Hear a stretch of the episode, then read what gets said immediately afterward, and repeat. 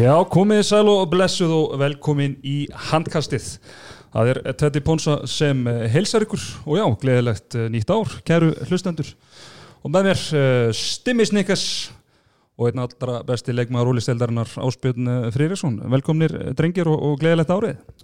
Já, þakkaði fyrir og sömulegis. Takk, takk, takk, takk. Hvernig komið undan jólavertíðinni? Bara nokkuð góður, sko. Ég er nokkuð slæmur. Já, nokkuð slæmið út þessu.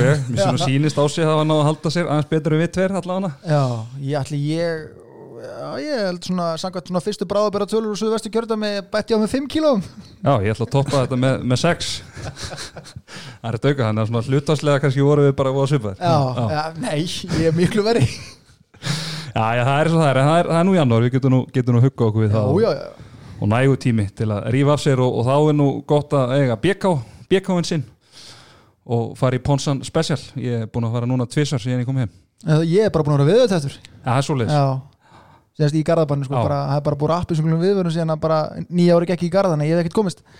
Nei, nei, það er svo á sig þú út nú dölur að BK maður sér það nú, maður í þessu standi hann er nú að, hann er nú að borða kjúklingin sinn.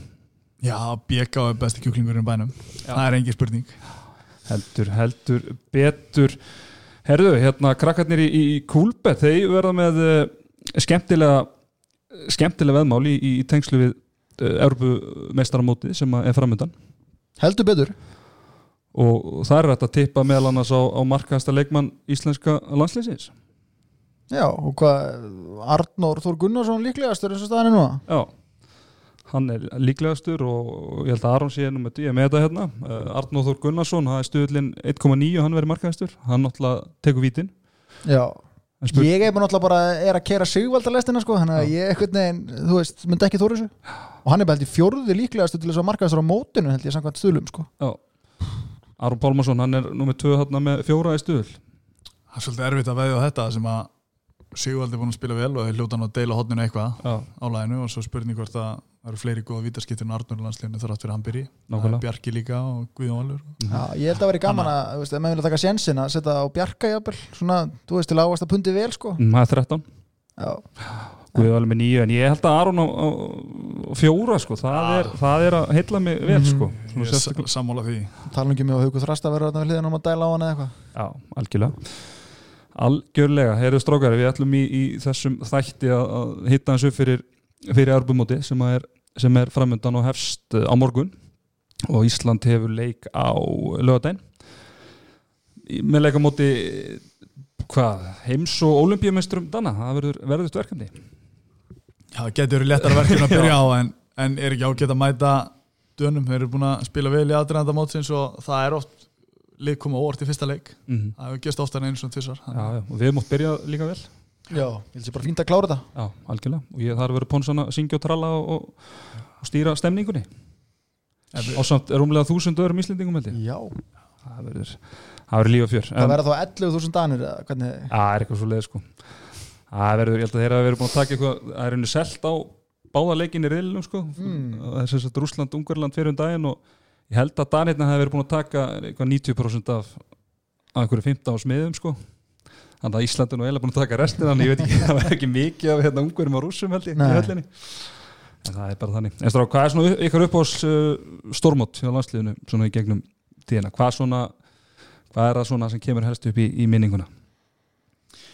Ég held að við varum að fara að vinna hana olimpíuleikana 2012 þegar að við hérna dættum út í áttalústum það var svona, það er eitt skemmtilegasta mót sem ég horta á, það var svona frá því ég byrja að horfa líklega Mm. besta lið sem við mátt Já, þá ertu, þá með þarna 2008 kynnslóðan eða sem að Silfur, Silfur liði þar og sem að lendi þriðasætti 2010 og pluss náttúrulega þá eins og Aron Já, pluss Aron, hann komið reynslu þarna Mhm. og þeir voru virkilega góður, Óli Stefán ennþá í góðu formi þrátt fyrir uh, háan aldur sko. Já. og ég hérna- bara, ég, ég sé þetta víti ennþá bara, þetta er ennþá mín mesta margt, sko. Úff, ekki tala um þetta Mér sko. fannst bara, að við tókum hann ég held að Svíjarnir hafa lent í öðru seti, ég var út í Svíþjóðana sko, og þeir skildi ekkit hvað, þú veist, bara að blóta liðinu sín sand sko, ég held að við höfum unnið á með tíu mörgum í riðlinum sko, Já, svo enda þeir í öðru seti á mótinu og við dettum út hana í áttalústum í raunni, já, þú veist, óhefni þetta er, þetta er svona það var ekki mómenti í svona mistök og vera ekki klárið tilbaka sko. Nei, nokkala, þetta var ræðilegt Ég held að mitt sé Austuríki 2010 eða ekki? Já, þá var ég í heimsókn hjá stóru vinn okkur hann Magli Strange í, í Danmörku og við vorum eiginlega bara fannir að spáði hvað við nú lengi að keira niður yfir já. Það var þvílík stemning en hérna sem betur fyrir að bara letuðun og duga bara að klára þetta í sófunum Já, já ég held að mitt að það er svona tvent sem kemur upp í hugunum er að það er svona, kannski þegar maður er krakki þá svona upplega maður þetta svolítið sterkara en svona þegar maður er orðið næst eldri og það er náttúrulega að koma á mót á 97 Það var að vakna snemma Já. það var, já, ég það var bara vaknaði- ræs klukkan 5 Já, bara, já, það, já, það var ekkert mál. Það var, var leikur um til Júgoslæfi sem við unnum með tíu sem að, minnum við unnum með einhver tíu mörgum sem er Já. mjög minnistæður og svo líka uh, þegar við förum í undanúrslit Svíþjóð. 2002 í Svíþjóð, Globen Já, það var helviti gott lið sem áttu þá líka. Já, það var skemmtileg Skemmtileg bara þegar Patti hitt á mótið þar. Já Patti var frábær, frábær bara- því móti. bara allt inni. Það var svakalegur þar sko. Svona í vörninni hana Já. og, og fleiri Góður, sko. með dag og, og, og Óla, Óla náttúrulega alveg á præmaldri og, og, og svona sko, þannig að það var alveg Hrafkels alveg- rann það í markinu þá Já. Hrafkels rann það í markinu þá og loka á mótinu toppstandi að að gera allt, allt villust en þá ég er náttúrulega að fara núna um helgina og ég, svona, já, ég hugsa loksins er ég að fara á stórmót en ég var náttúrulega búin að gleyma því maður náttúrulega mætti hérna á HM95 já, í smáran eða krigan Já, það var, það var að lögða þetta svöllin og krikinn og ég veit ekki hvað það komur það var náttúrulega gleymist HM hefur verið haldið á Íslandi. Já, það var það var vombrið, það var mikla vendingar í okkur strákunum, strákunum okkar. En það er stundum þannig. Við mótt ná bara bestum ánugri þegar vendingarnar eru eh, litlar en hvernig það var ekki bara smárunum eða bara riggað upp og með tíma fyrir þetta mót? Svona, veist, það er náttúrulega vandaður íþrótt að sjá þarna blikunum, en mér finnst mér eitthvað, það hefði bara verið svona bara fyrstu dagarnir hefði bara verið háum þar sko. verið. en ég ætla ekki að, ég ætla ekki að, að sverja fyrir það. Nei, nákvæmlega. Herðu strákar, hefur kannski að hérna renna þessi yfir hópmi sem að Gummi valdi núna hvað ekki er það er tilkynnt þann endalega hóp sem að fer á, fer á móti núna. Uh, við byrjum bara á markvörunum Björgvin Páll, Gustafsson og Viktor Gísli. Það var, þetta var svona helsta kannski svona að menn voru kannski mest að spá í hvaða menna myndi taka þarna, náttúrulega Ágúst Eli var inn í, inn í myndinni en kannski uh, hann kemur aðeins setna inn til æfinga en, en hinn er tveir og, og svona þegar hann var ekki tekið með í æfingaleg til Þýskalands að þá svona sá maður kannski að, að, að þetta var svona, að það stemdi í þetta að hann var að fara að taka þessa tvo Já, það hefur verið mjög óæðilegt ef hann teki hinn að tvo í einan eina æfingarleik og, og skilir svo annan að þeim eftir og teki águstil inn en Mm. hann veðið að hann reynsli í Björgvinni mm -hmm. með Viktor Gísla og mér líka finnst Bjöggi bara búin að vera að spila vel eftir að hann opnaði sig með bókina og fór aðeins að svona hleypa fólki að, svona að sér. Mhm. þá, þá, þá finnst mér hann vera búin að spila hvað best svona að því sem er hefur lesið af markmennunum okkar síðasta kannski þrjá fjóra mánuðin en þetta er bara, veist, ég get skilja er örugglega brjálaður og illa svektur en menna, hvað ætli Bjarki Már og, og Stefán Rapsið er búin að vera svektir í mörg ár, svona er þetta bara. Það er bara svo stutt á milli hérna, sérst, á milli þessara markmanna. Nú Viktor Gísli farin út, þú veist, hann er bara tvítur og að spila í hörku deild og eðlilegt að hann sé með sveiflur í leikjónum sínum Mhm. og í erfitt, en ég meina hann hefur staðið sér vel með landsliðinu senast að hálfa ári Já, Björgur Páll er að spila vel að nú í Danmarku með það sem hann les, er náttúrulega ekki að sjá þessa leiki Nei, mikið, þú veist, eitthvað aðeins en hérna, og Ágústil líka spila mistaradeldinni vetur og var góður úslakefni fyrra, Mhm. mm. Svíþjóð þannig að Er- er svona, ég held að hann sé svona hvað svektastur að þeir leikmennu sem að voru ekki valdið líklega. Ég fór ekki allir hinnir það fyrsta tók alla þetta já, miðjumennina, já, já, það hefur voruð eitt svektur þar Já. líka. já, Algjörlega. Herru vinstra hótnið, uh, Bjarki Már Elísson og, og Guðjón Valur uh, Þetta er náttúrulega bara frábært hótnabar og, og stimmi, við vorum nú að ræða þetta eins í vikunni ás ég veit ekki hvort sem sammála okkur. Ég, svona að mínu mati það er ekkert mörg landslið sem eiga betri vinstri hótnapar nema kannski hugsanlega spáverðni sem eru með uh, Arínu hérna í Barcelona og, og er ekki Fernandes hérna í, í Kilsi Jú, þeir eru frábært og hérna, það eru fleiri lið sem eiga svona virkilega góð hérna, pör en þú veist við með að vera prís okkur sæla meðan við erum með svona gott hodnapar í eða svona góða leikminn vinstra hodninu já, algjörlega eru vinstri skitn og þar eru fósbræðarnir úr, úr kriganum uh, Aron Pálmarsson og Ólafur Andrés uh, Guðmusson, alltaf fátt sem að kemur óvart þarna, Aron náttúrulega kannski svolítið öðru sem Aron núna heldur en undarfærin, undarfærin mót er að hann er actually búin að vera að spila í vinstri skittunni með Barcelona í, í vetur, hefur náttúrulega bara uh, nánast alla sér natunum hann að feril náttúrulega spila sem miðumæður, en, en núna með tilkomu Lukas Sindris í Barcelona þá hefur hann verið að spila meir í vinstri skittun og bara spila frábæla í vetur Mér er alltaf fundist að hann bestur hann að taka flestar ákvarðanir koma mikið inn í miðjun og fá að Mhm. njóta sín vinna meira með línu heldur þegar hann kannski setja upp í kerfi og taka við svona uh, þú veist, framhaldinu í spilinu og svona Mhm. en þú veist, geggjað miðumarinn en ég finnst hann hann að þegar Barcelona náður svona nýtan eins vel og hægt er með að fá syndirist við hliðina sko. eru að eiga eru ágætis par sko. Já, já, það er ágætið svona handbólta IQ getur við sagt í, í, í þeim tegum og uh, Óli Guðmurs er náttúrulega þú veist, þeir spila báður sínu fyrsta stórmóti uh, í mótunum sem rættum á hann 2010 í Austuríki þannig að hann er komin þokkalega reynsla hjá, hjá þessum töm uh, á miðjunni uh, þar eru við með já, það eru selfisingar, það er Elvar Jónsson, Haugur Þrastarsson og, og Janus uh, Daði. Það er Janus náttúrulega var dottinn svolítið úr þessum úr þessum hóp, svona kannski margir tölum það en svona uh, kannski típa leikmenni sem að kannski hendar ekki leikstíl gumma gum, hann er svona svolítið svona powerplay leikmaður, svona, en, en að, það var bara ekki þetta að kanga fram í honum með við, hvernig hann er búin að spila með Álaborg í, Nei, og vetur. bara sá líka nýtti tækifærið þarna allan í fyrir áleika mútið Þískalandi Já. bara var frábæð það sko þannig að við erum allan ekki, þú veist hvað sé ég, vandraða stöðunar okkar svona gegnum árin miðjan og vinstri skittan eru eiginlega núna orðnar okkar sterkustu stöður og allt einu eru orðin vandraðast að eru orðin hægri skitta mm Já, já, þetta er fljóta, fljóta breyðst í þessu. Haukur Þrastarsson uh, ég meina hann er náttúrulega farið til Kilsi í, í sumar og búin að spila frábælega náttúrulega í deildinni. Hvernig svona uh, á sig, hversu svona stóru hlutur ekki serðu Hauk fyrir á þessu móti? Uh, Það var náttúrulega komandi að snemma inn í æfingarleiknum en maður veit ekki alveg hvað, þú veist, hversu stórt hlutverk hann er að fara að fá að því að í þessu leik vanta Aron Pálmarsson sem kemur til með að spila væntalega 40, 50, 50 mínútur í hverju minnsta leik sóknarlega. Og það er fækka mínútonum fyrir hinna en, og svo er spurning hvernig öklun og elvar er.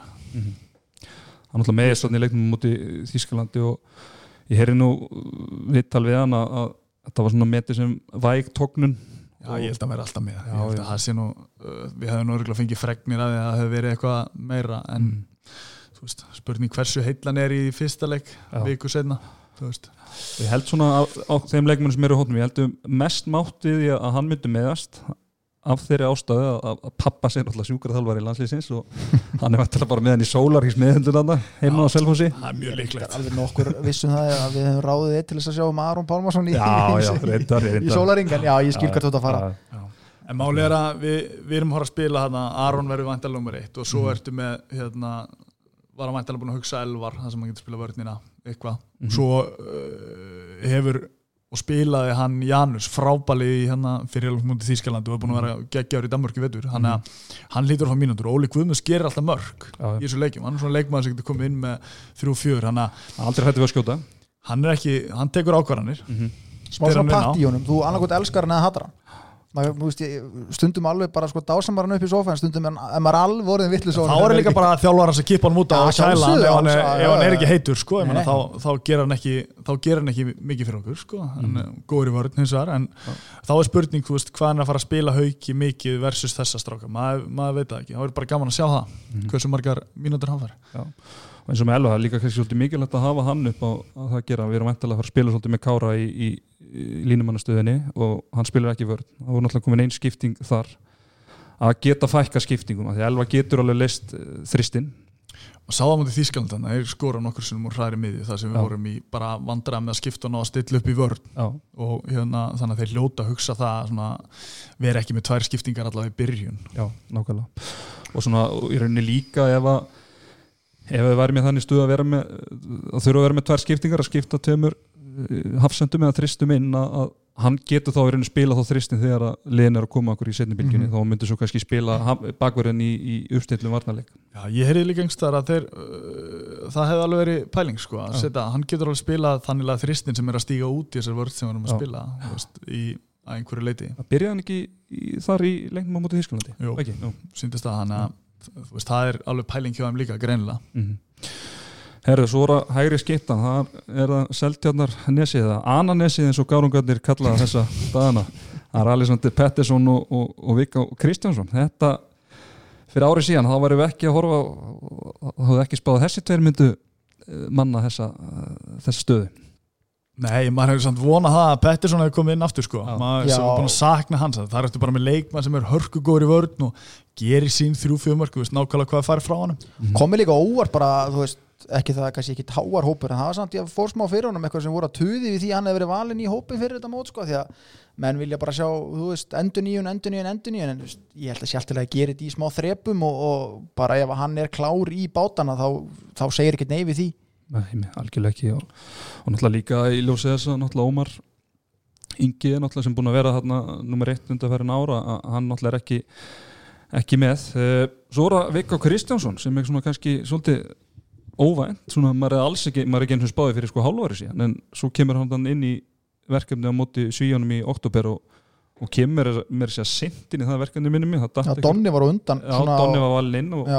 Viggo var ekki held í uppalum hóp þar en hann spilaði feiki vel í, í því verkefni og, og svona kom sér bara í rauninni bara inn í þennan hóp með, með þeirri framistöðu. Já, líka bara, þú veist, er sannlega að spila á því hæsta leveli svona af þeim skittum sem eru eftir Alexander í rauðinni Mm -hmm. Það búin að vera að fá fullt, og, búin að fá fullt af fínu leikjum í hérna búndisleikunni Já. Man er búin að lesa staðablaði Stuttgart eftir að þeir hérna, breykuðu fréttina með að, hérna, að hann væri að skipta um lið sko, en ég er búin að vera fastur þar bara hérna. Það er bara diggu lesandi. Já, Já, já, það verður, verður gaman að sjá hvernig honum svona reyðir af og hann er svona kannski líka svona líkastu kannski ómar í leikstíl af, kannski með við Tate og, og Donna sem er Já. kannski meira svona power leikmenn að það er svona það er svona, já, ég held að sé svona típa leikmenni sem að gummi fílar. þú fáir öðruvísi flót frá honum heldur en hinnum sem þú ert að tala um sko það bara Já. spurning hvað gummi er að leita þú veist, eftir hverju hann er að leita Já, fyrir þessa stöðu. en haldið þið fyrir ekki en haldið að hann geti farið í danska mótilið og spila jafnvel með þrjá örfenda á einhvern réttinda. eða réttenda. Fyrir ekki. Uh, Sett Haug, Janus, hæra megin svona mun hann ekki fara eftir í hvort að hérna, Pettersson haldist heill og hann getur spila marga mínútur og hérna og svo hvernig þeir eru að spila sko. En það gæti alveg orðið einhverja mínútur sko. Það er Já. alveg leikmenn að það sem geta leist stöðuna hæra með en Janus og, og, og, og Óli Guðmunds kannski. Að einhverju- að einhverjum hluta Já, þegar við erum með til dæmis langa skiptingu og mm -hmm.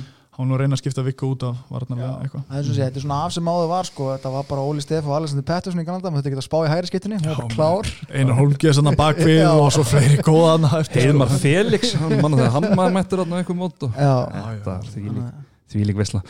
Herra hægra hótni, við erum líka ansi vel settið þar, það er Arnóð Þór Gunnarsson og Sigvaldi Guðjónsson. Eh, Arnóð náttúrulega bara, það þarf ekki að fara mörgum árum um hann, náttúrulega breytna aðra reynslumesti leikmærin í liðinu og verið frábær undan fyrir nár og, og svo Sigvaldi sem er búin að heldur betur, bara búin að taka stórstígum framfyrir undan fyrir nár og er orðin bara frábær hótnamæður. það gerir bara eitthvað fyrir mig að horfa, hann, bara, hann klúðrar ekki færi maður er búin að horfa á hann hérna, í ykkur svona highlights úr meistaröldinni og bara herrlega undatekningi er að follow eitthvað á Twitter eitthvað svona EOF og það er bara, hann er alltaf í fimm, top, eða top 5 tilþrjum umferðar en einhverju einustu umferð, hann er sko hann er því líkt upplugur og ég sé hann er öruglega með yfir 85% nýtingu í norsku úrastöldinni Mm -hmm. og búið vel hann náttúrulega með, hann er að fara til Kilsei í sumar eða ekki líka Jú. hann er nú líka bara að skora yfir tíu mörg þar trekk í trekk með við, hérna, það sem maður heyrir sko. Og Kilsi er ekkert að ná í örfænta leikmann sé, hann sé virkilega Ná, góður sko. já, algjörlega og þú veist, og þetta er bara luxus af því að það liggur við, skiptir engum máli úr hvaða færi sér drengir eftir að fara inn og maður er þokkalega örugur á því að þetta endur með marki. Já, ég horfði mitt inn að ég var á statur á, á Spáni yfir, yfir jól og, og áramót og var þá með aðganga að, að norska ríkis sjónvarpinu og horfði á byggarústalekin í Nóri sem var elverunum móti Haslum minni mig og þar var Sigvaldi algjörlega magnaður og var maður leiksins. Og markaðist, ég heldur að það setti ykkur nýju mörg og bara það voru bara var bara að leika sér að að markmönnum anstæðingana algjörlega, algjörlega magnaður. Herðu, svo er það línumennir, þar fyrir við með fjóra, það er svona eh, kannski, verða ekki kannski allir sem að spila sókna þessum, það er alltaf einhver, þarna einn bara einungi sem varnamenn en það eru Arnar Freyr Arnarsson, eh, Kári Kristján uh, Ímuröld Gíslason og Sveitn Jóhansson sem að kemur inn í hópin eftir að hérna, Daniel Þór Ingarsson dettur út vegna meðsla er eitthvað svona þetta er svona fyrir utan að kára þá er þetta rosalega ungir og svona já, þetta er ungt og ferst bara vel gert hjá Gumma að taka kára með þeim. Mm -hmm. ég veit að hafa eitt sem þú veist nákvæmlega hvað að fara frá í þessu í þessari hérna, stöðu. Hann er langt bestu sóknarlega Já, ég meina, við, við, all, við höfum alltaf verið með sóknarlíðum, ég meina, við vorum með Robba Gunn og, og Robert Sigvarts og, og svona, skilur, þannig að, og svona alltaf Kára setna, þannig að mm. við höfum alltaf verið með allavega einn línumann sem spila bara sókn og það bara munar rosalega miklu, við séðum undir þetta mótum hvað þetta, Já, mér er líka, sko, gott ef ekki ætla ekki að fara að fatja, menn gott ef að Kári síkir líka bara frá því að hann var valinn síðast á stórmót, hann er örgulega búin að bæta á sig 10-15 kílóm, hann er orðin bara svona nútíma línumannslegri, hann er miklu hröstari, finnst mér, Mhm. Það er svona allan mitt svona teika á þetta. Þannig að, spilaði vel hann úti, úti í Svíþjóð. Spilaði hann bara sér, spilaði sér rauninni bara inn í hópin já, eftir þá leikið, þá var maður alltaf trú að hann var að fara að taka hann. Mhm. það var orðið svona nokkuð ljóst.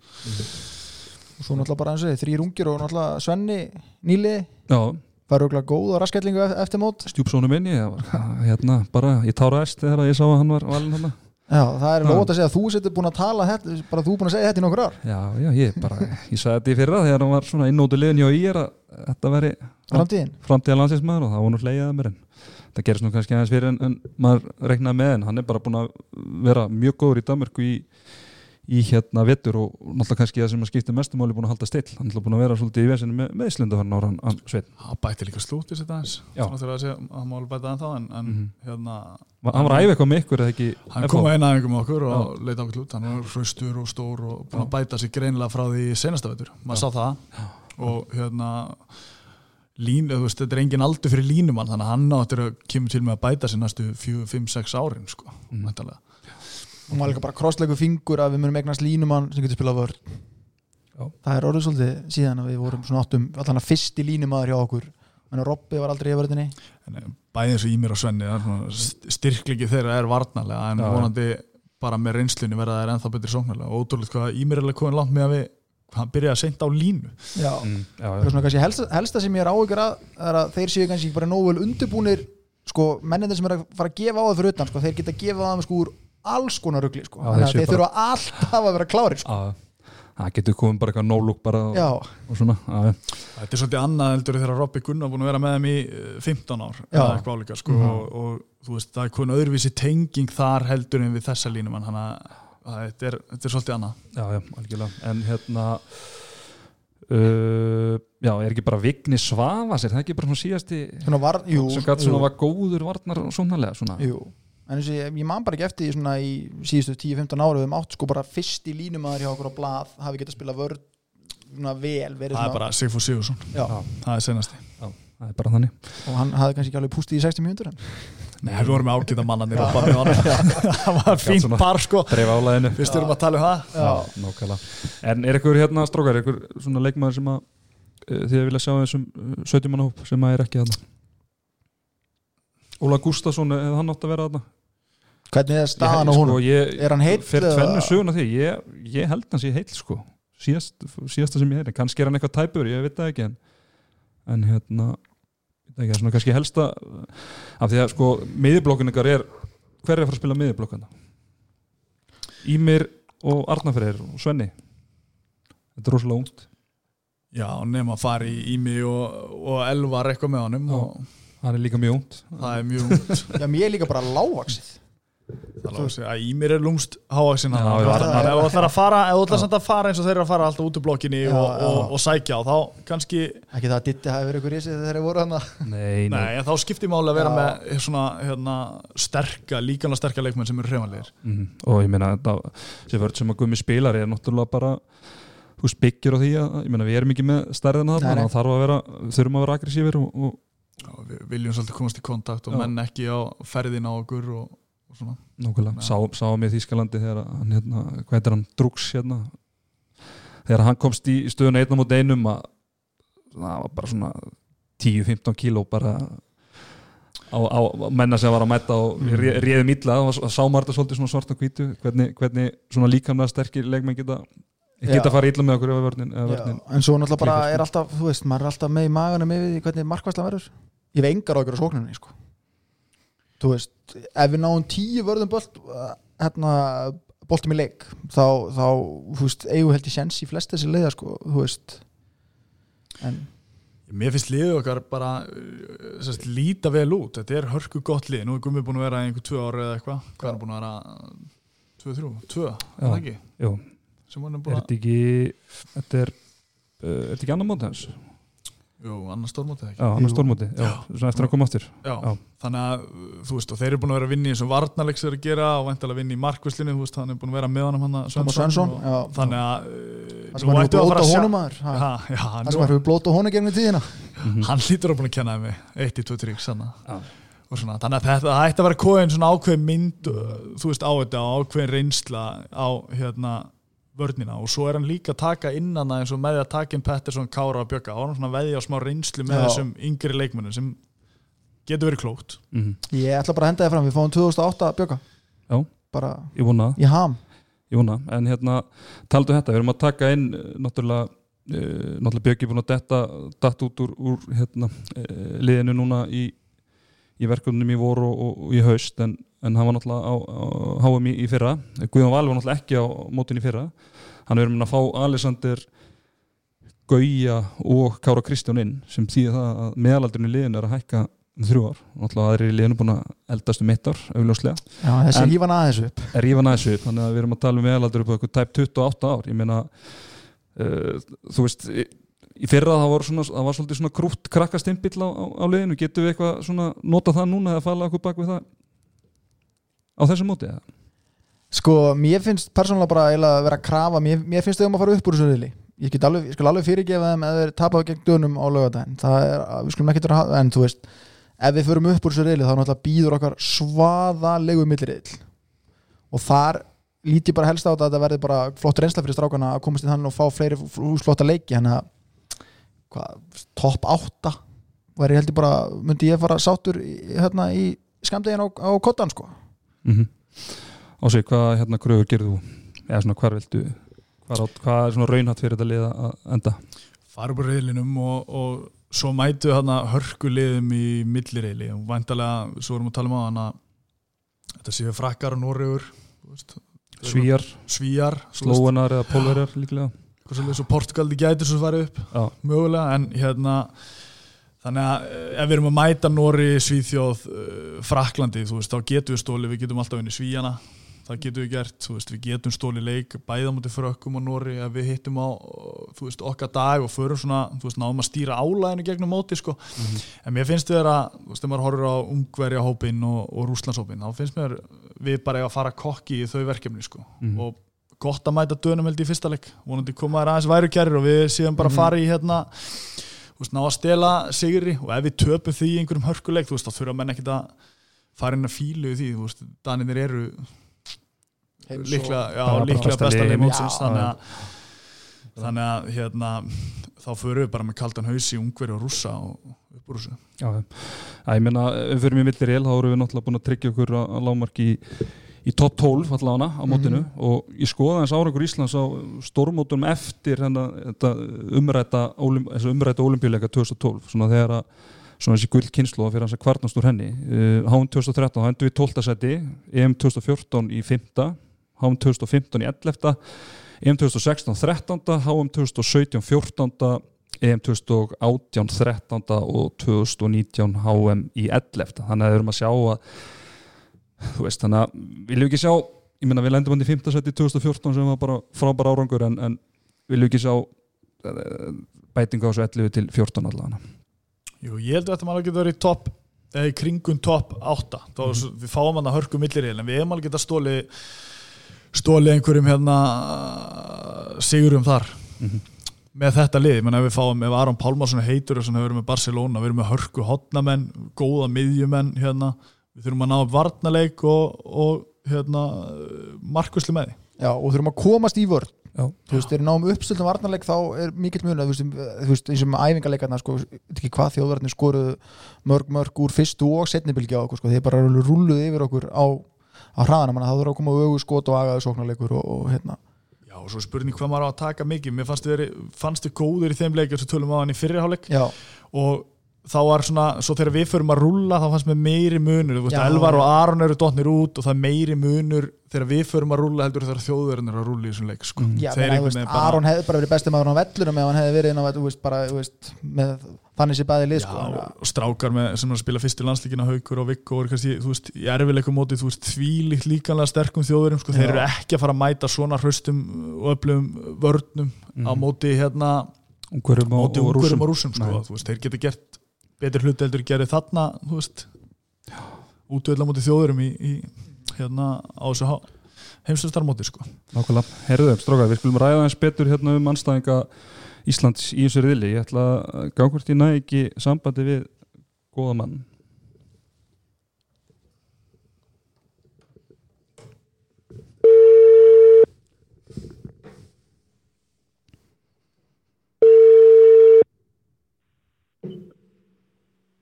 Halló? Já, er það Viggo Kristjánsson?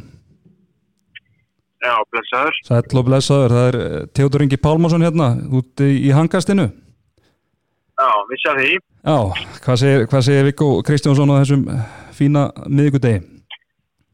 Heru, ég segi bara ágætt, það er smá stress í gangi. Hérna, áttum að fljúa út á morgun en hérna, út af slemri veðisbá, þá erum við bara að fara að fljúa út hérna í kvöld. Þannig að ég er að keira bara neyri HSI núna í þessum tölum. Ok, flott er að ég er einmitt í, í sömu vendingum í fyrirmáli og, og verða þarna á sama tíma og þið hérna í kvöld þannig að þetta verður, bara fjör Já, ok.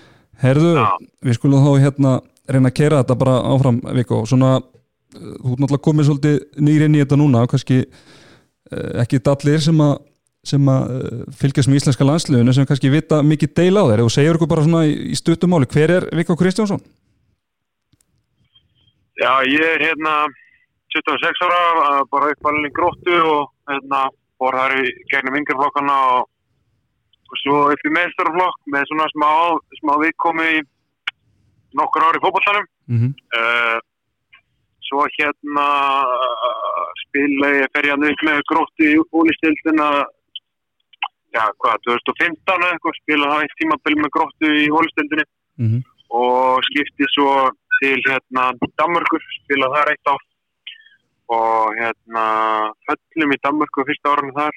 Og þess vegna skipti ég til hérna Austuríkis þar var Hannes Jón Jónsson að þjálfa og var tvö orði honum sem var al, alveg hérna sem var það vendipunktur á mínu ferli.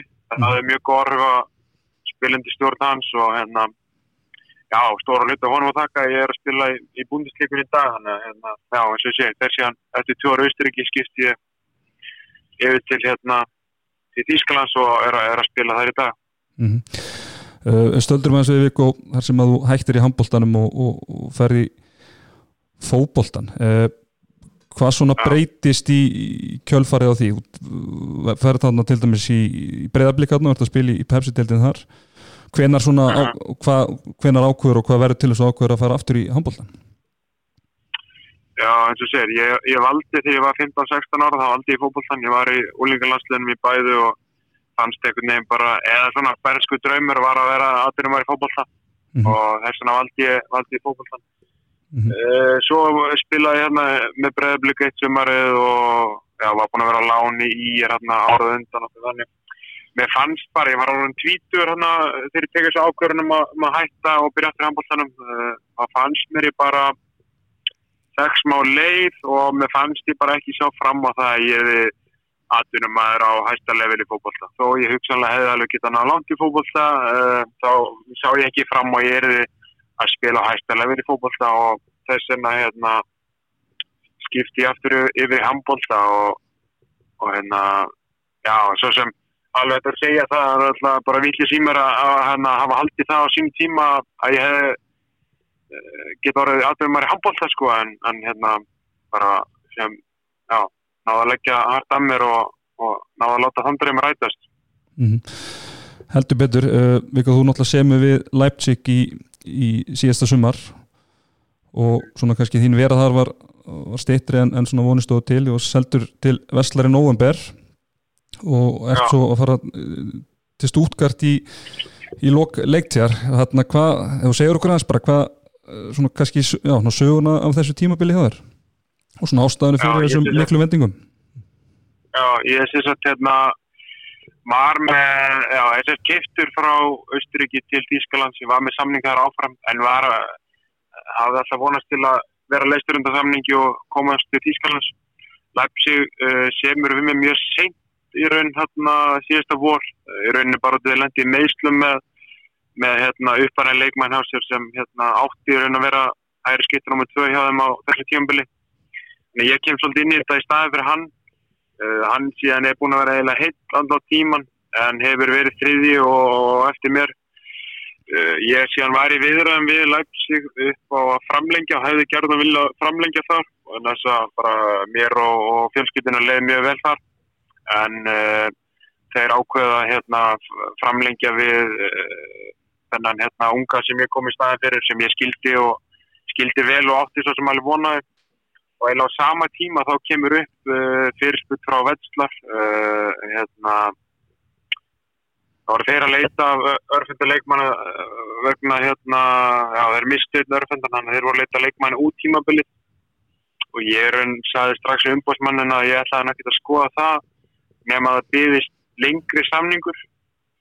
Uh, á sama tíma uh, býður er annar búndislíku klúpur uh, sem hérna býðum samning fyrir næstu tvö ár uh, sem ég ákvaða að klára bara strax uh, þannig að maður væri með samning næstu tvö árin í búndislíkunni og ákvaða það bara í legin að hoppa á, hoppa á tækifæri veðslar bæði sá ég fram á meiri spildíma í, í veðslar og svo hérna, það ekki líka betri samning. Þannig að það, þetta var svona því, af því hérna af því tönnu mm -hmm.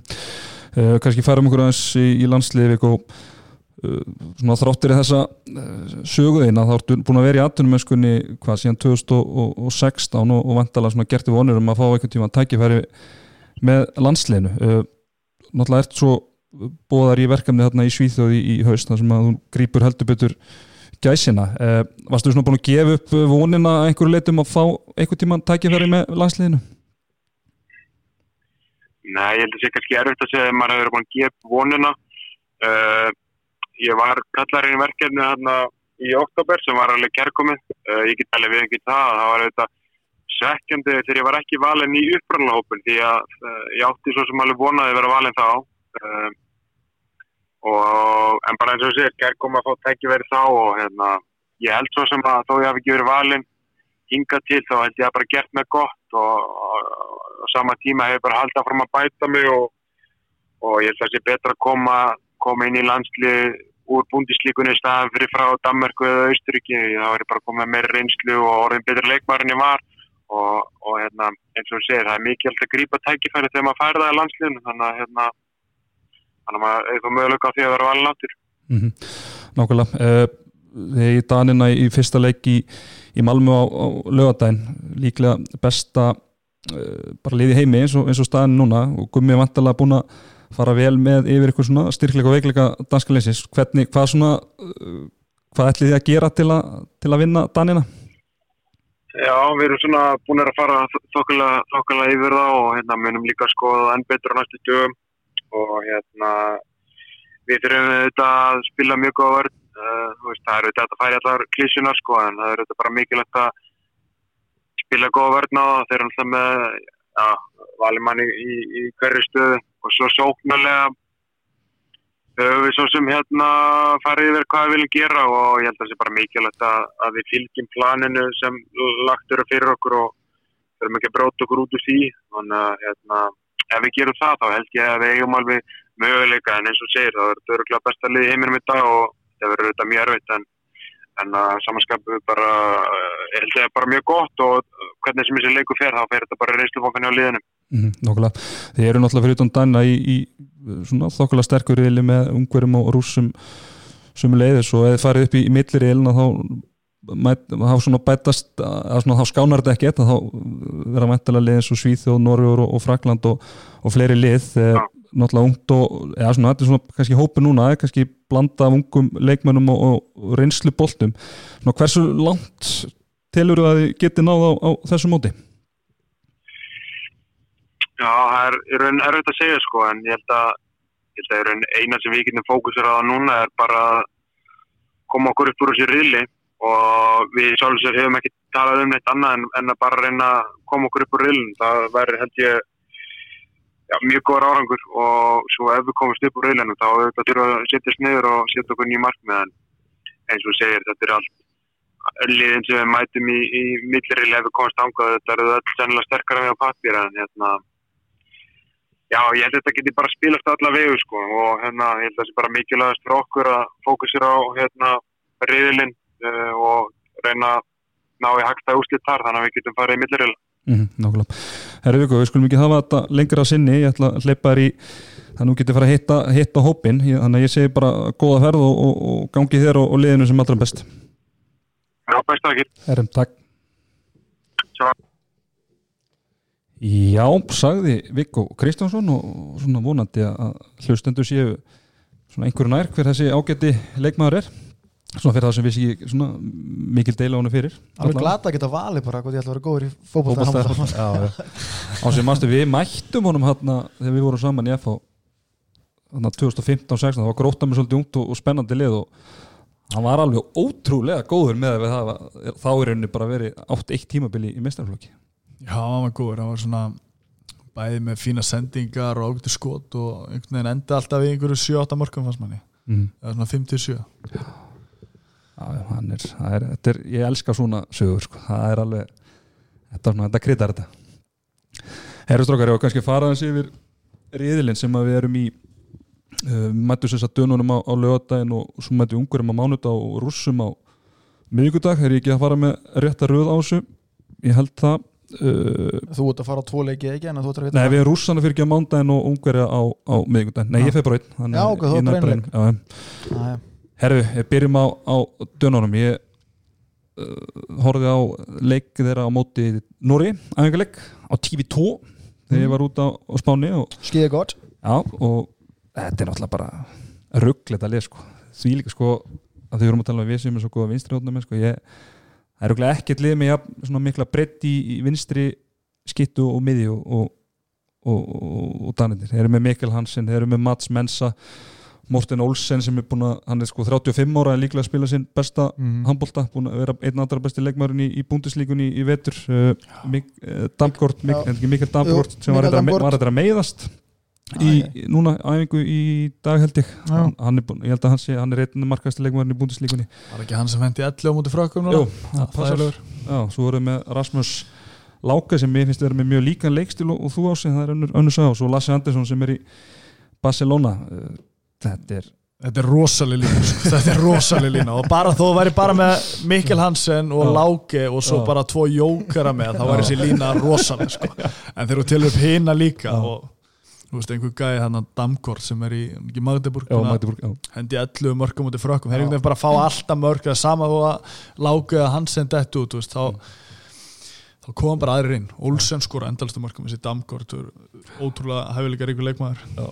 Svo þetta með fleiri já, þetta er náttúrulega bara algjört rugl en hérna já, Þeir fá ekki örfendan, svona helst ekki Nei, er þessi með, þurfa þess nei, er með, það, kirk, það væri bara svindlega þau væri með hann líka sko. uh, með kirkilokki er hann ekki ranningur? Já, já, þeir eru með góða Já. örfenda leikmenn sko. Já. ég er nú ekki að segja það en, en En einnig ræningar löfin og er Já. ekki hinn, er Kristjansen ekki í hófnum hann sem er í Álaborg Já, heitir hann ekki Kristjansen hann sem er búin að vera með þeim dökkari nú, er, það- er hann að hitta mjög Já, ég, ég man ekki nafn á hann hann hann svona er mjög djúft í, í róteringunni ef, að- ef að hann er eitthvað eitthva að spila. En, en þeir eru nú í ykkurum smá uh, meðslavandra, þeir eru með hérna, Rasmus Láka er búin að vera mittur og, og, og Lasse Svan. Og það var skemmtilegt að vera að horfa á hann að leika þarna á, á TV2 að svolítið skemmtilegt hvernig Danirnir uh, fara með mitta leikmenn í, í Vittal það er sem sagt var Vittal við Lasse Svan og svo sjúkraþalvara líka þannig að hann var svona Sjúkar þá hefur eflaust þótt að skemmtilegt.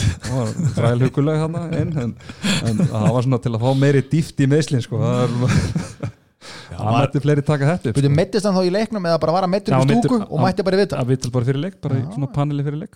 Já, meittist hann ekki fyrir mótið þannig Jú, það var, fyrir, það, það var í hann að gullbygganum fyrir það, já, já, já. sagt Það hann er ekki með því hann er jafnvel með á móti Íslandi? Hann verður ekki, tæft. hann verður ekki með hann verður hann hérna að. Jóhann Hansen færi einhverjinn verður líklega. Hann er búið að kalla hann held ég inn í hópin í staðin fyrir Lassi Svan, allan fyrir leikinu út í Íslandi. Já, Lassan, en, en. Láke. Já, og hann ekki Já, verið klára Lá- Láki verður líklega með annars eiga er eitthvað til að koma í staðin fyrir hann. Það Já, já. Það verður gaman ef við hefum tekið upp á þessu í skeruballa Jó, Já, Elís. Já, já. Ramsson Það- það- Hvernig gekk þetta? Þetta var bara gekk frábæla, við náðum vöðum hann í burtu og Þetta ég hafði ill, þú veist, ég skildi ekki þú veist, grunnskóla danska mín, hún fleyti mér ekki langt af það en, ég hafði bara illa gaman að þessu sko. það var alveg, Það er bara að vera búið til gott sjónvarp. Já, já, og svo náttúrulega bara, þú veist, náttúrulega með Niklas Alandín sem er líklega besti markmaður í heimi og bróður hans í hotninu og, og, og hægra hotni frábær, svo náttúrulega er þeir að fá Reynir Toft inn núna, hann eiginlega misti af öllu heimsmeistaramótinu í fyrra, meittist heldur bara í fyrsta öðru leik. Og bara upp í stúku restina af mótinu. Svo eiga er aðra Þannig að, þú veist, bróðina sem Reyntoft er, Já, er Henrik. Hann er hörkuleikmar og Sakarisen líka. Já, sá, sá er öflugur sko. Þeir eru allir hraustir og hreyfanleir Stóri hreyfanleir sko. Þannig að þegar þeir stilla upp í vörn Þetta er ekkit eðlilega góð vörn með landin fyrir aftan og svo komaði bara svo flóðbylgi á þau sko. Já, og svo líka þegar landin hittir á slæma leik, þá kemur bara Janni Grín inn og hann er alltaf góður þegar, þeir, bara vega hvernig annan fullkomlega upp. Já, og bara setni bylgja með Láki og, Hansen sko, þú veist. Já, svo getur Hann- möllegarnir líka vippað sér upp í sendinbylginni hann er nú sínt á þetta Ég þóli bara ekki í dana þegar þið fóru illa með gummi okkar sko. ég bara, þú veist, þó þessi geðvett að horfa þá bara þóli ekki hvað hann gengur illa sérstaklega líka eftir að gummi fór sko, því hann kom þeim í gang sko, en þeir munum samt aldrei viðurkenna það. Nei, til dönsku hróka gekir sko. líklega ekki. Kemur Bent, og, og félagar En þú veist, að okkar leika mútið þeim, þú veist, það er eins gott að við slútum þessu sóknum okkar almennilega, þannig að við fáum þessi fæstar setnibilgjur og hraðablöf á okkur, sko. Þú veist, það er eiginlega forsenda þess að við, að við náum að stilla upp í vörnum út þessu lið, sko. Ef við ætlum að, ég held að landin verði ekki bólta frá Sigvalda mínu sko, það getur glemt í þetta var senda henni.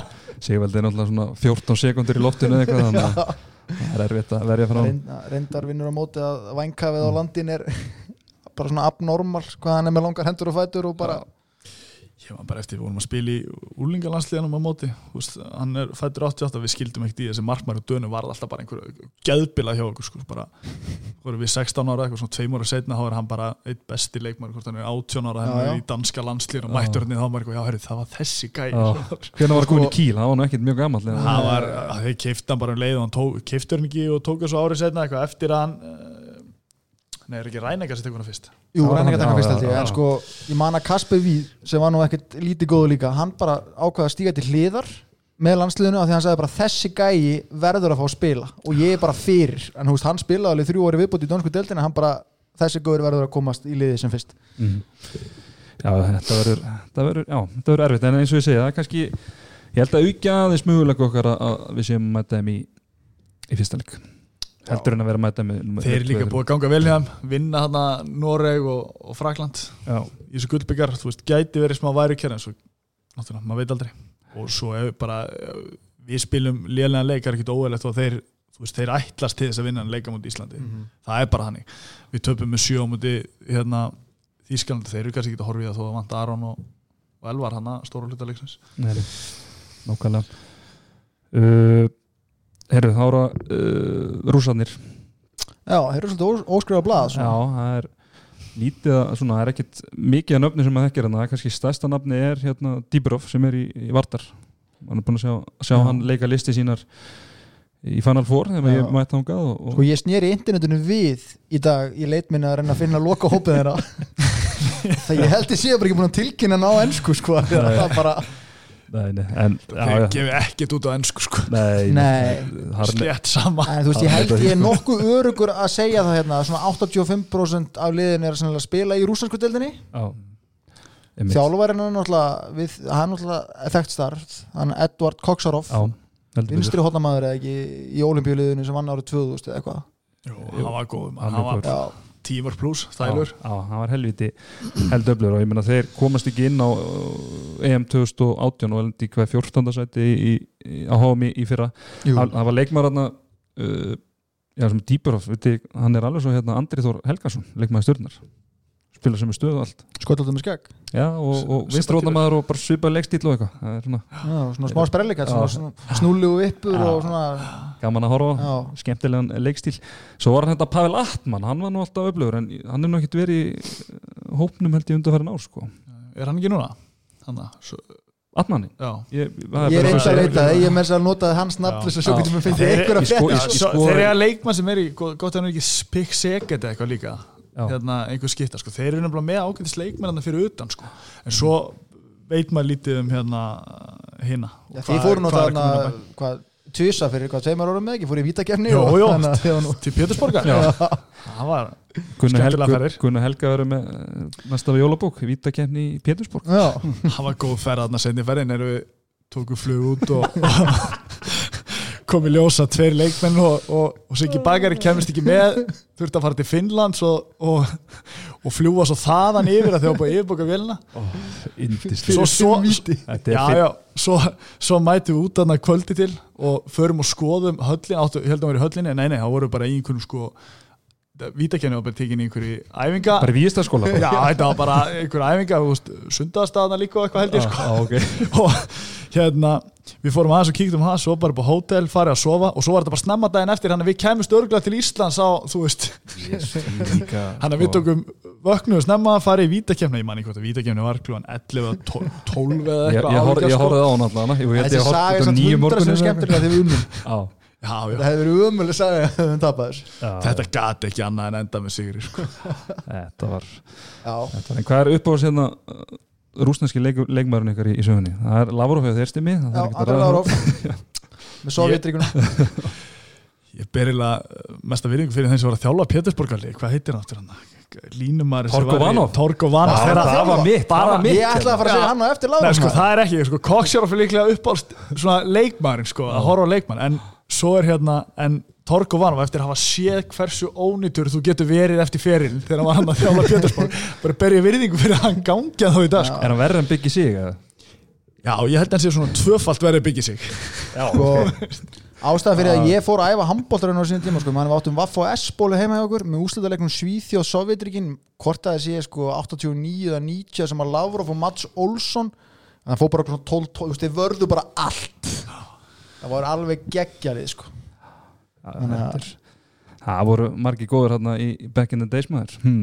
hann spilaði líka, það er gaman að sjá rússana sko. þarna voru ekkit margir að spila til ferdu sko. þeir voru alltaf með 2-3 Svona jafnvel, það, sko. Dimitri Filipov Já, heldur betur Hann Ha. var í liðinu 2000 gamalagt að eiga bara einn mann í stjörnunni sem var í Já. rúslandska landsliðinu sem Já, bara, sem að var ólípjökur sko. Já. Það er ótrúlegt það er rosalegt Hann er bara glemist Dimitri Filipov maður Úf, það var, það var leikmaður svo náttúrulega var Moskva Lenko líka hann var komin í rúslandska landslið svona hérna undir þegar hann var komin, hann, hann að spila á stjörnunni í smástíma og svo var hann, manni að hann var komin líka í hann að þegar hann var í stjörninu, Já. þetta er ekki línumarinn sko, og- línumannin já, Já. Alltaf Og- þetta seðlar í, í garabænum Já, meina og bara skemmtileg saga að henda þið inn sko að Guðni okkar bestið fósiti hann var í stjórn handkvæmstildar þegar að Dimitri Filipov kemur í stjórnuna og talaði ekki stakt orð í ensku. Haldið ekki bara að Guðni TH hafi bara svona hann svona dýfði sér aðeins í kýrlíska stafráðið og hann lærði bara svona þokkalega rúsnesk á sex mánuðum svo hann getið talað við Filipov Já, já, og hann bara, það er heldur betur nýstunum í fórsendambættinu geggjaður sko. Það var líka góðu leikmaður í Káa þarna 97 þegar Dúra Nóna tók all aðtíklina miðjumvarinn hann að Sergei Sísa Já, alveg rétt. Hann var hrikalega öflugur sko. Þegar hann átti landsleiki líka er hann koðin að magna hvað voru öflugur leikmann að Við koma vorum, við vorum að græða svolítið á ástandinu hérna í Östur-Evrópu á svona í kringu 1990 svona byrju tíund áratugurinn þeir voru að slíta sig frá gömlu Sovjetríkanum og svona fengu við ágætis íþróttamenn hérna í og þessi göra sem hún að tala um núna eru margir bara í kringu 2000 þannig já, Já, já, alveg tegið sér Sísa alveg þangað, sko. 97 held ég eða eitthvað og hinn er líka hann í stjórninu sko. Já, nákvæmlega. Herðu, strókar, þá eru ungverðarnir Eh, Þeir eru í smá eða bara miklu meðsla brassi það er náttúrulega, ég var að renni við leikmannhópin og það er ekki mikið að, að nöfni, ég held að bara stærsta nafni sem er þarna núna er bara líklega markmærin Ronald Mikler sem er í, sem er í hérna, Vesprem en er ekki rétt að línumarinn hafa dótt út í þeim núna? Var ekki að lesa það? Búið að döða hann að hvað hann heitir? Hann er er hann er hann ekki hann sketta? ekki, jú, eh, ég var að tala um línumarinn líka. Var hann ekki dætt út? Sko það sem að við erum að skráða hjá okkur er hann, hann Richard Bodo sem Já, er skittan já, hann í. Pixaget já, og Matti Lekai sem er bara þeirra besti leikmaður líklega sko. Nazi hætti í síðasta sumar held ég eftir síðasta stórmót á hann hérna Lasko Já. eftir 29 ári landsliðinu mm. shit þannig að hérna þannig að ég meina þú veist allan að það er ekki marga stærðir sem maður þekkir allan maður er alltaf þekkt svona þrjá fjóra í ungurska Já. landsliðinu þú veist, ég meina Þetta er ábyggilega fínasta lið samt sem þeir sendu á svæði Já. sko, en, En það þetta er tækifæri núna til að hefna fyrir 2012 Já, Ólympíuleikana. en þessi tveir eru líklega þeirra besti útileikmenn sem er að missa þarna. Lekai og, og að það, á það eru þekta stærri þannig að við svona þeir eru báir hörkuleikmenn þannig að það er mikill missi fyrir það en það er líka óþægild að fá já, já, hérna eitthvað nýtlið en hann er, er hann ekki ekki að kosta sér hann að Gabor hvað heitir það, Kassar hann að það er ekki hægt að bera hann nafn fram Gabor Kassar, hann að miðumærin sem er í hendi 15 slumur í einu leiki í vetur hann að sem er í hann ekki Kadetin Sjaffásin já, í sem var Sviss. alltaf já, sem er bara var upplifast í leikmaður ungverið nokkur ára það ekki? Þetta er Já, komin í hann Ha? er Smá heima- hann er ekki? Ekki, hann er undir hann 35 já, ára hann er ekki þetta. Nei. þeir eru með hérna þá er hann ekki Já. margir eftir sem að nei, þekkir. nei, ég er bara eins og ég segi það er ekki það er bara Róland Mikler sko. Það er, En svo að samanskapi, Mm. þá hefur þú nú aldrei eitthvað unni með okkur Íslendingum að fara í leiki svona sem að við eigum að telja sterkara lið og eitthvað svona, Nei, oft nú. er bara betra að hérna, vera með baki uppi vekk sko, eins og móti frökkunum á, í Þýskalandi eitthvað 2007 hérna, þegar við töpum á vonda móti Úkrænu mm getur líka verið bara uh, óþægild að fá svona lið eins og ungverð og veist að koma góðu leikmenn. Það verður alveg fínir leikmenn sem verður að spila þarna. já, og kannski ekkit stórkostlegu munur á liðinu þrátt fyrir að vanti þessa tvo, þrjá hana. þannig að þú veist það er miklu verra fyrir okkur. Við vitum miklu minna um þessa leikmenn heldur en þrátt fyrir að séu potið með fullt efni en heldur en hérna miðjumann og skiptinu sem vantar. Já, klálega. Uh, strókar, uh, rennum bara aðeins yfir hinna reyðlana uh, eins og ég sagði á hann, það er svona sá millirið sem að við munum endi í ef við förum upp úr þessum reyli, hann verður mun sterkari heldur en það er semst millirið 2 hann verður á öllu líkitum mun sterkari en millirið 1 en við förum svona já, kannski útskýra það bara aðeins að þetta eru sagt uh, sex fjarlæga reyðlar mm spilaðir í þrem löndum. Spilar í þrem löndum grannþjóðurnar Svíþjóð, Norður og, og Östuríki uh, og það er sagt þannig að uh, það fara tölu upp á hverju reyli og þau lið taka innbyrðis viðregni með sér inn í milliriðil Mhm. og mæta þá hinum fjóru liðunum sem að koma úr tveim riðlum þannig að þetta eru tveir eh, tveir sex liða milliriðlar Já. sem, sem að taka við. Og tvö eftir liðin þar og hverju milliriðli fara sem, svo í undanúslit Þannig að þetta verður bara að hafa verið að stýra leikjálunni vel að strákunum. Já. bara fái leikir og Þannig að- galið setup sko. Þannig að við erum að fara í hún fyrir þrjáleiki riðli, fjóra mm. milliriðli og, Mhm. og svo crosspili Já, Já, þetta, þetta gerir á svona okkar 14 dögum. Þetta eru, eru 17 dagar, nýju leikir. Já, já, já þá er þetta allt í Já, þetta er, þetta flott. Herðustrákar, Ariel, það er Kroatia Hvítarúsland, Svartfjallaland og uh, Serbia, það er bara Austur-Európa par excellence já. sko, Er hann spilar í Östuríki þessi? þessi spilar í, í Graz í Austuríki, ok. okay. uh, Kroatanir náttúrulega líklega er að fara að klára þennan Já. reyðl og það er margir að tippa á að Ég var Koma óvart og bara að fylgja skora þeim. leikinu um Twitter þetta með að hann var stætt að spjalla það viku hjá okkur og þar sá ég að svartfell, svartfellinga voru að hérna lendi ykkur áfalli, ég ætla ekki að reyna að treysta mér að byrja nafni fram hjá honum en allavega svona þeirra helsti, helsti spilari að dett út þannig að já, en maður veit lítið um þessi liðana sem eru Já. með króti en krótin að fara upp svo er þetta spurningamarki já, algjörlega. Ég er svona allavega, serbarnir hafa stundum komið óvart og já, þetta verður, verður áhugavert að sjá. Serbarnir í einhverju laga núna samt, eða ekki? Jú, Eru- ég já, bara hvort að Sviss hafi ekki verið sko raskjall með tíumörkum bara núna um helgina í aðingaleik sko, voru komin tíumörkum yfir í fyrriháleik sko. Maður er búin að vera að sjá alltaf svona úslit hjá serbum og pólverum svona senast ári. Það er alltaf eitthvað Mm. svona sem er ekki að venjast frá því fyrir svona fimm ára síðan sko. þannig að þau eru einhverju einhverju krísu. Herri björriðlinn, þetta er nú bara eitthvað mesta sorp sem að ég hef séð líklega á, á Austuríkismenn og Úgrænum, en þetta er spilað í Vín. Og ég get sagt ykkur það að uh, Jónas Eliasson og, Anton Gilvi Pálsson, þeir munu dæma leik eh, tjekka og Austuríkismanna á föstudaginn, en stráka þetta er bara þetta er ekki sexy riðil við getum orðað þannig. En hvaða tvö lið fara upp úr þessu riðli, það er er annar mál. Tældu það aftur fyrir mig Tjekkland, Norður Makedónia, Austuríki, Úgræna ég, tjekkarnir alltaf einhvern veginn, finnst mér alltaf einhvern veginn á að krestu dúslit ég bara þannig, alltaf ekki, veikan ég þekki ekki hópið þeirra núna og ekki sem Lazarov bara já, og Lazarov. náttúrulega líka og Klárar hann ekki bara spurning svona leiki? og Pattin og vanur að skilja þetta sem góðan grunn það sem hann er, hann er aldrei að vita nema að sé lengi lifi góðnum glæðum hann hjá austuríkismönnum en mm -hmm. og heimaöllunum skil ekkur menna þeir árið 2010 voru þeir frábærir á en það er vissulega aðeins búið á kvartnastu brúfnum Já, ég segi tjekkar og, og, og Macedonia Herru sériðlinn uh, það er ekki mjög erfitt að spá fyrir um hvaða lið fyrir upp og þeim reyli það er spátt Þískaland, Lettland og, og Holland það er nú alltaf að ræða þetta. En þetta þýðir það samt, ég minna við horfum á þess að þrjáriðla að það er, það, er, það er eiginlega bara 100% að, að tvö af spáni Þískaland og Króti er að fara í undanúslið það er 100% við Já. getum hérna sýnir bara hvað, þetta, þetta, er, þetta er veikur millir sem við fáum þarna. Ef eitthvað eitt lið á þessum myndir skýta á sig þá eru ekki, það er aldrei tvö að fara að gera með þessum liðum og ég þú veist ekki það að sé held ég hægt að gera það en ég myndi setja pening á það að Sigurverðin á sem móti komu úr millirilum frá ja, okkur, milliril 2 sko.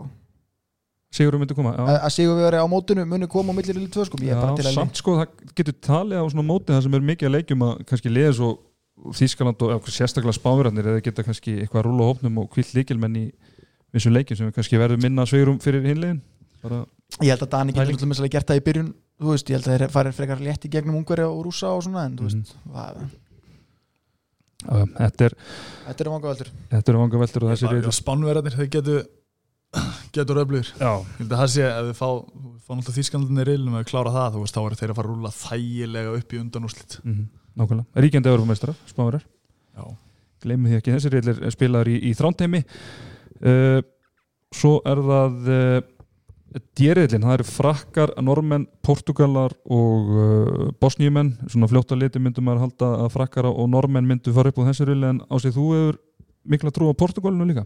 Ég kannski ekki trú að það fari upp sko úr þessu reili en, en þeir hefðu held ég lappað upp úr tveimur fyrstu Mhm. sem við vorum að tala um aðan sko. en hérna að mæta hana normunum með Sakusin og, og svo frökkunum held ég að sé kannski of stór biti en það verður gaman að sjá hvernig þetta portugalski lið verður á mótinu og, og næsta ár. En norska lið, það eru bara eru ekkit eðla spennandi. Svo erum náttúrulega að fá hann hérna, hvað heitir hann, Niklas Röðu hann, hann verður líklega með. Hann er vantilega búin að ná sér að meðslum Já, það skiptir þá miklu máli það vantar hinn örfend og minnst eru tölur betri heldur hinn. Já. þannig að hérna, það skiptir tölur máli að hann sé með uh, frakkarnir, hvað er svona það er svona skipta skoðanir hvernig þeim mun reyða á þessu móti ég skulle bara viðkynna, það er oft sem að maður hefur þekkt eða svona verið meira inn í hvað er að gerast í franska landsliðinu mm -hmm. en æ, veist, þeir, það er aldrei að afskrifa það sko. þú veist, þeir getur endað í 15 og þeir getur líka alveg unnið þetta móti ef þeir hitt á, á hérna, hitt á nokkra leiki sko. en, en ég held að, að þeir muni ekki enda í topp fjórum í ár Nei, það er djórspá djör, djör en spá hérna, það getur vel verið erfiðu millireili en, þeir þurfa enda fyrir ofan þá Noreg, og Svíþjóð vantilega til að, já, ég held að Daninni fara alltaf. Gerir ráð fyrir að Danni færi þá þurfa enda fyrir Noreg og Svíþjóð til að ég hugsa þessi spá mín, hún muni svona bara koma í ljós hvernig innbyrðisöður er frakka og normanna fyrir riðlunum Já. upp á þessu tvösti sem, sem við munum taka með sér upp. Hann Mhm. að hún sennilega fellur hún sjálft sig ef að frakkarnir vinna en Ég held bara að standa við það frakkandi séu líklegri samt til að stela líka sigri af dönum já, aftur á móti í millireilin sko. Mhm. þannig að en ef að frakkandi klára normenn þá klára þeir sig inn í undanústin Nákvæmlega. Uh, er reyðlinn, það er náttúrulega reyðlinn okkar sem við erum búin að ræða, uh, það er náttúrulega að setja Dan áfram og ekki að setja okkur með þeim að að ég fyrir með þeim áfram Já, sko. en ég- þetta með frakkana sko, þú veist, þrátt fyrir að það er endunjum að veit minna, þá er þetta díka með það er Fabregas, þú veist, þeir eru ekki með eðlilega Nei. góða unga leikmenn sko. Sko. Er, og svo spurning hvernig það verður í markinu hann sem í er bara svona, veist, svona þegar maður horfir á hann svona í svona raunöru þegar það var að taka upp allan völlin þá líður við stundum með svo óma er sé bara hann ennþá í markinu er ekkert Já, þú veist, í fjarlægð. svipaður að Það já. geggjað þegar þeir voru báðir sko. Þetta kom hann líka bara fyrsta mótið hann eftir og bara eins og hann hefði haldið hann væri ómar Já. bara varð og varð og varð sko. Það var ekki 2017 var ekki, Þeir eru kláru hann það var bara, þeir voru heima allir 2017 þú veist ef þeir náðu börn og, og ef þeir náðu börn og markvöslu sko þá bara Þetta voru svaðalegu millirrið hlana sko. Já, já, því að við erum eftir F-riðilinn sem að vera spilar í, í Gautaborg það eru heimamenni í Svíþjóð slóunar, svistlendingar og, og pólverjar. Pólverjar svona að vera að gefa hans eftir undanfærin ár. Við setjum síðan þarna áfram væntalega og slóvenna, þeir eru alltaf segir. Jú, ekki setja slóan eða sviss með Já. þeim Líklega slóana, þeir eru svona öfluri mm -hmm. heldum maður, alltaf fyrirfram algjörlega. Uh, krakkandir í, í, í Kúlbett þeir eru að bjóða upp á uh, bara farið inn á Kúlbett og, og það er undir popbílar hérna hjá mig þeir eru opnað European Championship í, í, handbóltanum og þið sjáu þetta og sláðu bara inn í European Championship finnið þetta ekki, það er þetta tippa á, á uh, hellinga leikjum og ímis önnur uh, veðmál eins og til dæmis uh, eins og við rættum á hann hver verður markaðistur á íslenska landsliðinu. Það er þetta veða hérna sigurvegara hvort að liðandi í topp þremur og hver vinnur milliriðlana og hver vinnur undarriðlana þetta er og svona alls konar to head uh, veðmál, hvort lið kemst lengra, það er þetta veða til dæmis hérna, hvort við lengra spátni að Danmörk Þeir eru reynilega að bjarga skamdeginu sko. það er bara, þú veist, það er stórmót og svo getur við verið að gera þetta ennþá skemmtilega með að setja nokkra dúllur hér og þar. Já. Uh, Danirnir, samkvæmt Kulbætt eru þeir líklegasti til að klára þetta með, með stuðlinn þrjá Já, Það er bara mjög eðlilegt eftir Já. að það er Já. unnvitað mótana, unnu Mhm. normenn og, og frakkaðana, það er ekki óeðlilega spá en þú veist, þetta er þú veist, þeir ekki- við erum að gefa það að spán vera með hvernig millir Mhm. þeir eru að þeir mætir svona tildulega feskir þar inn já, þjóðverðinu saman það með hörkuvörn ég held að það er samt að þeir vinna aldrei móti og svo eftir með frakka og, og norðmennum norðmennum er besta leikma mótisins þannig að hörkuvörn, þannig að þeir geta alveg eins farið, hugsalega ekki vinna en mm -hmm. Hvað- Nóru top 3 uh, 340 hvað er spátt? að vinna mótið Já, nýju já ég myndi halda að það væri bara svona Það besta það er, bett já, það er bara svona 50, þeir fari úrstölduleik það er bara, þú ert eða bara komin í bara nýju Já. með eitt leikir bara í hérna Já. restina af því þú getur reitt skiluru þú veist að því að Danmörk, Frakland, Svíþjóð og Norrur það er, þú veist að munu tveim að heim náttúrulega ekki komast í undanúrslit með að spáverðarnir getur meila fullvöðs ykkur um að, um að þeir fari, þannig að mitt ráð til ykkar fólk að núti, setið smá á spán stöðlun nýju og svo hendið bara á hérna anstæðingar í úrslitunum og þetta verður bara skemmtileg úrslituleikur og þú vinnur saman hvernig. Er. Og svo verður við dölur að hendin svona sninga, svo verður nú dölur að setja inn setja inn einhver tips inn á Twitter hjá handkastinu Já, ég skal, Mm. ég, skal, ég skal sjá, ég er nú ekki búin að ríða feitum hesti ólistildinni í Já, vettur þú leggur ekki eitt árar í bátrengur ha? en enda við vorum nú komið þá kenningu að svona, ég muni sannlega, ég kveiki sannlega í þeim liðum sem ég er að veiða gegn sko, þau mæti alltaf tví eld en ég held að nú að strákarnir hann úti í, í Noregi og Danmörk og svona verða ekkert eitthvað að fylgjast með þessu mm. Herruðu strákar, ef við ekki bara fara að segja þetta gott, þetta er búið að vera gott uh, spjall hjá okkur hérna. Ég ætla að beða ykkur um að, ég þarf nú að fara að dríða mig upp á, upp á flugöll ég var flug bara núna á minnati hitti landsliði þar væntalega þeir eru verið að slagi með, með, með bústin sinn menn ég verið með einn hélaðan já, það er það ekki við. Þú ert bestu þannig. Ég er bestu þannig Þannig að ég verð sannlega í betra standi en þú þegar þú kemur heim eftir helgina. Það er líklegt, Ha. þá var ég komið fram á þér. Það var svona 8 kíló líklega er en það er bara eins og það er, það er bara janúar. Herru strákar, að lókum uh, ási, í hvaða sæti lendur Ísland á þessum móti? ekki að fara með það í átta. Búin að fara í sjönda seti, eitthvað svo leiðis Sjöunda sæti. 15 til 7 spilaðansæti? Uh, Eða eru þið bara rankaðir einhvern veginn eftir? Ég er ekki að að ég spila bara fjóruða sæti og fjóruða sæti Já. millir í eitthvað ég held að sé spila topp 8 Top átta? já, ég held að sé þannig Já, ég eh, myndi að sjá okkur fara já, já, ef það gengur vel á, á topp átta og, og það, var það þýtti það að við varum fyrir ofan Svíjana eða Normenn eða, ég er eða ekki alltaf einhver ólupíusæti og eitthvað svona í, svona mótum og einhver undakefni Já, sem maður þarf að ná í Gott og gummi skil- alltaf að horfi gott og skildir, skildir minnast á það því að uh, ég held að séu þrjú sæti bóði í undakefni olbíleikana og það er náttúrulega eru fullt af leiðin búin að tryggja sér nú þegar þannig að við þurfum að vera þrjú Topp þrjú þar á eftir. já, top þrjú þar á eftir sko. Já, já við erum að gefa okkur það við, það verður erfitt að fara í hérna, með frökkum Norri, Danmarku, eins og hún tala um þú veist, Já. þau verða vantarlega þú veist, blöðinu. við getum alltaf, gætum lent fyrir ofan eitt dæm, Mhm. þú veist Mm -hmm. hittu fyrir ofan Normenn og Svíja Segjum, topp átta Það er glata að vera Íslendingur og vera að tala um handbólt og vera að spá okkur eitthvað fyrir neðan áttundasæti Já. Við bara topp átta væri flottur árangur Komast Mhm. úr þessu hérna 11. 14. sæti sem við erum búin að vera svolítið í já, það spila um fymta ekki, ekki, Nei, nei. áttunda, já, ekki sjönda en það voru bara ránkar í sjönda Já,